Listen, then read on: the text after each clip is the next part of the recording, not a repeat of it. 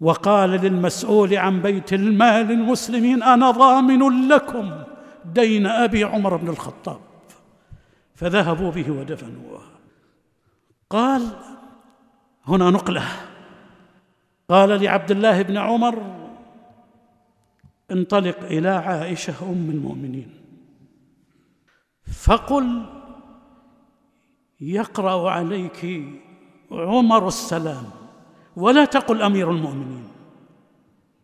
فإني لست اليوم للمؤمنين أميرا. وقل يستأذن عمر بن الخطاب أن يدفن مع صاحبيه. فسلم على عائشة واستأذن ودخل عليها فوجدها قاعدة تبكي. فقال يقرأ عليك عمر بن الخطاب السلام ويستأذن أن يدفن مع صاحبيه. فقالت رضي الله عنها كنت أريده لنفسي ولأوثرن به اليوم على نفسي. هنا عمر ينتظر ينتظر الخبر أهم خبر عليه أهم خبر في حياته هو هذا الخبر. قال فلما أقبل قيل هذا عبد الله بن عمر. قد جاء. قال ارفعوني. فأسنده رجل إليه فقال ما لديك؟ قال الذي تحب يا أمير المؤمنين أذنت. قال عمر الحمد لله. ما كان من شيء أهم إلي من ذلك. هل انتهى الأمر؟ لا. لا. قال عمر فإذا قضيت يعني مت فاحملوني. ثم سلم على عائشة مرة أخرى فقل يستأذن عمر بن الخطاب. فإن أذنت لي فأدخلوني. وإن ردتني ردوني إلى مقابر المسلمين. مرة أخرى احتياط خوفا أن تكون عائشة جاملته. وأيضا من هول الصدمة وافقت. فقال لا إذا مت وانتهى الأمر ولم يبق عمر يحتاج إلى أحد يجامله استأذن مرة أخرى إلى عائشة سلم قل السلام عليك. عمر يستأذن يدفن مع صاحبيه فإن أذنت وإلا ردوني إلى مقابر المسلمين. هذه كلها وصية عمر قبل أن تنتهي حياته في هذه الأيام العصيبة على أمة الإسلام. جاءت أم المؤمنين حفصة والنساء تسير معها. فلما رأيناها أي الرجال قمنا فولجت عليه فبكت عنده ساعة. واستأذن الرجال فولجت داخلا لهم فسمعنا بكاءها من الداخل. فقالوا أوصي يا أمير المؤمنين استخلف. القضية الآن قضية مستقبل الأمة الإسلامية بعد استشهاد عمر بن الخطاب رضي الله عنه. أوصي يا أمير المؤمنين استخلف.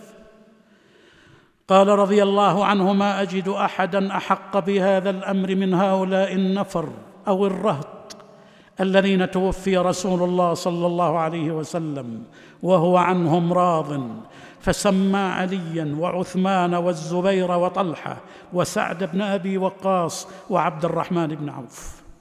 وقال يشهدكم عبد الله بن عمر وليس له من الأمر شيء كهيئة التعزية له. الستة هم أمر أهل الشورى يختار منهم واحد. ثم قال عمر فإن أصابت الإمرة سعدا يعني ابن أبي وقاص فهو ذاك وإلا فليستعن به أيكم ما أمر. فإني لم أعزله عن عجز ولا خيانة.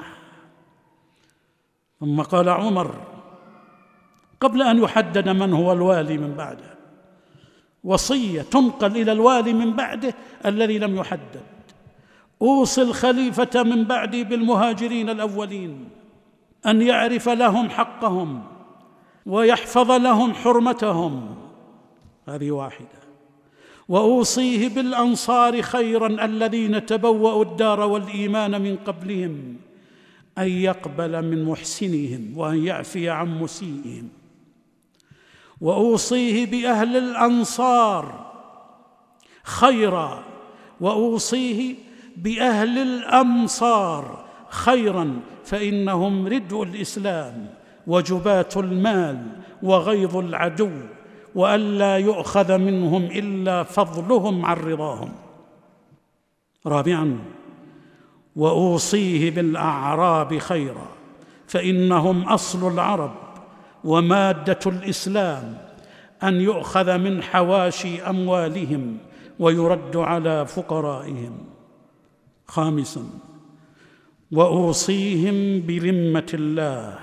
أهل الذمة أهل الذمة من اليهود والنصارى. وأوصيه بذمة الله وذمة رسوله صلى الله عليه وسلم أن يوفي لهم بعهدهم وأن يقاتل من ورائهم ولا يكلفوا إلا طاقتهم. فلما قبض خرجنا به فانطلقنا نمشي فسلم عبد الله بن عمر يعني على عائشة فقال يستأذن عمر بن الخطاب قالت أدخلوه فأدخل فوضع هنالك مع صاحبيه فلما فرغ من دفنه اجتمع هؤلاء الرهط أي رهط الشورى وكان من أمر الشورى ما هو معلوم. أيها الإخوة في الله هذه القصة قصة مقتل عمر بن الخطاب رضي الله عنه وأرضاه.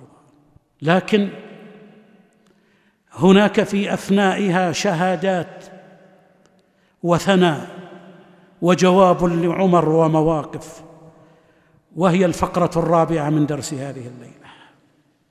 اولا روى البخاري في صحيحه عن المسور بن مخرمة قال لما طعن عمر جعل يألم. يألم من ماذا؟ من حال المسلمين وليس من طعنه. جعل يألم فقال له ابن عباس وكأنه يجزعه يعني يهون من شأن. الأمر عنده. يا أمير المؤمنين ولئن كان ذاك لقد صحبت رسول الله صلى الله عليه وسلم فأحسنت صحبته. ثم فارقته وهو عنك راض.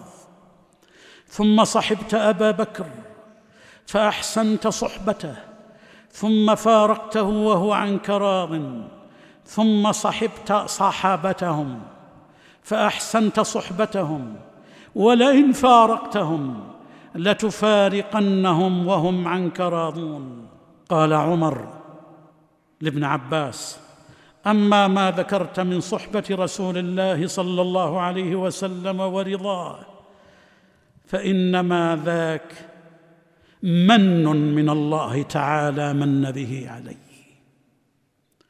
وأما ما ذكرت من صحبة أبي بكر ورضاه فإنما ذاك من من الله تعالى من به علي وأما ما ترى من جزعي فهو فهو من أجلك وأجل أصحابك.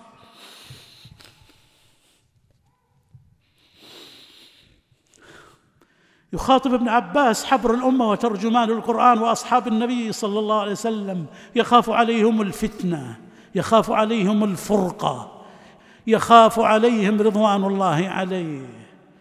أما ما ترى من جزعي فهو من أجلك وأجل أصحابك. والله لو أن لي طلاع الأرض ذهبا أي ما تطلع عليه الشمس على وجه الأرض. لو أن لي طلاع الأرض ذهبا لافتديت به من عذاب الله عز وجل قبل أن أراه. جزع خوف على أمته وخوف من الله لأنه في لحظات قدومه على رب العالمين. هذا هو عمر الفاروق المبشر بالجنة. في رواية قال ابن عباس دخلت على عمر حين طعن فقلت أبشر بالجنة يا أمير المؤمنين. أسلمت حين كفر الناس وجاهدت مع رسول الله صلى الله عليه وسلم حين خذله الناس وقبض رسول الله صلى الله عليه وسلم وهو عنك راض ولم يختلف في خلافتك اثنان وقتلت شهيدا. فقال عمر أعد علي فأعدت عليه. فقال والله الذي لا إله إلا هو لو أن لي ما في الأرض من صفراء وبيضاء لافتديت به من هول المطلع. يعني هول يوم القيامة والوقوف بين يدي رب العالمين. ثانيا من المشاهد. روى عثمان بن عفان رضي الله عنه. قال أنا آخركم عهدا بعمر. يعني قبيل وفاته. دخلت عليه ورأسه في حجر ابنه عبد الله بن عمر. فقال له ضع خدي على الأرض. قال ابنه عبد الله فهل فخذي والأرض إلا إلا سواء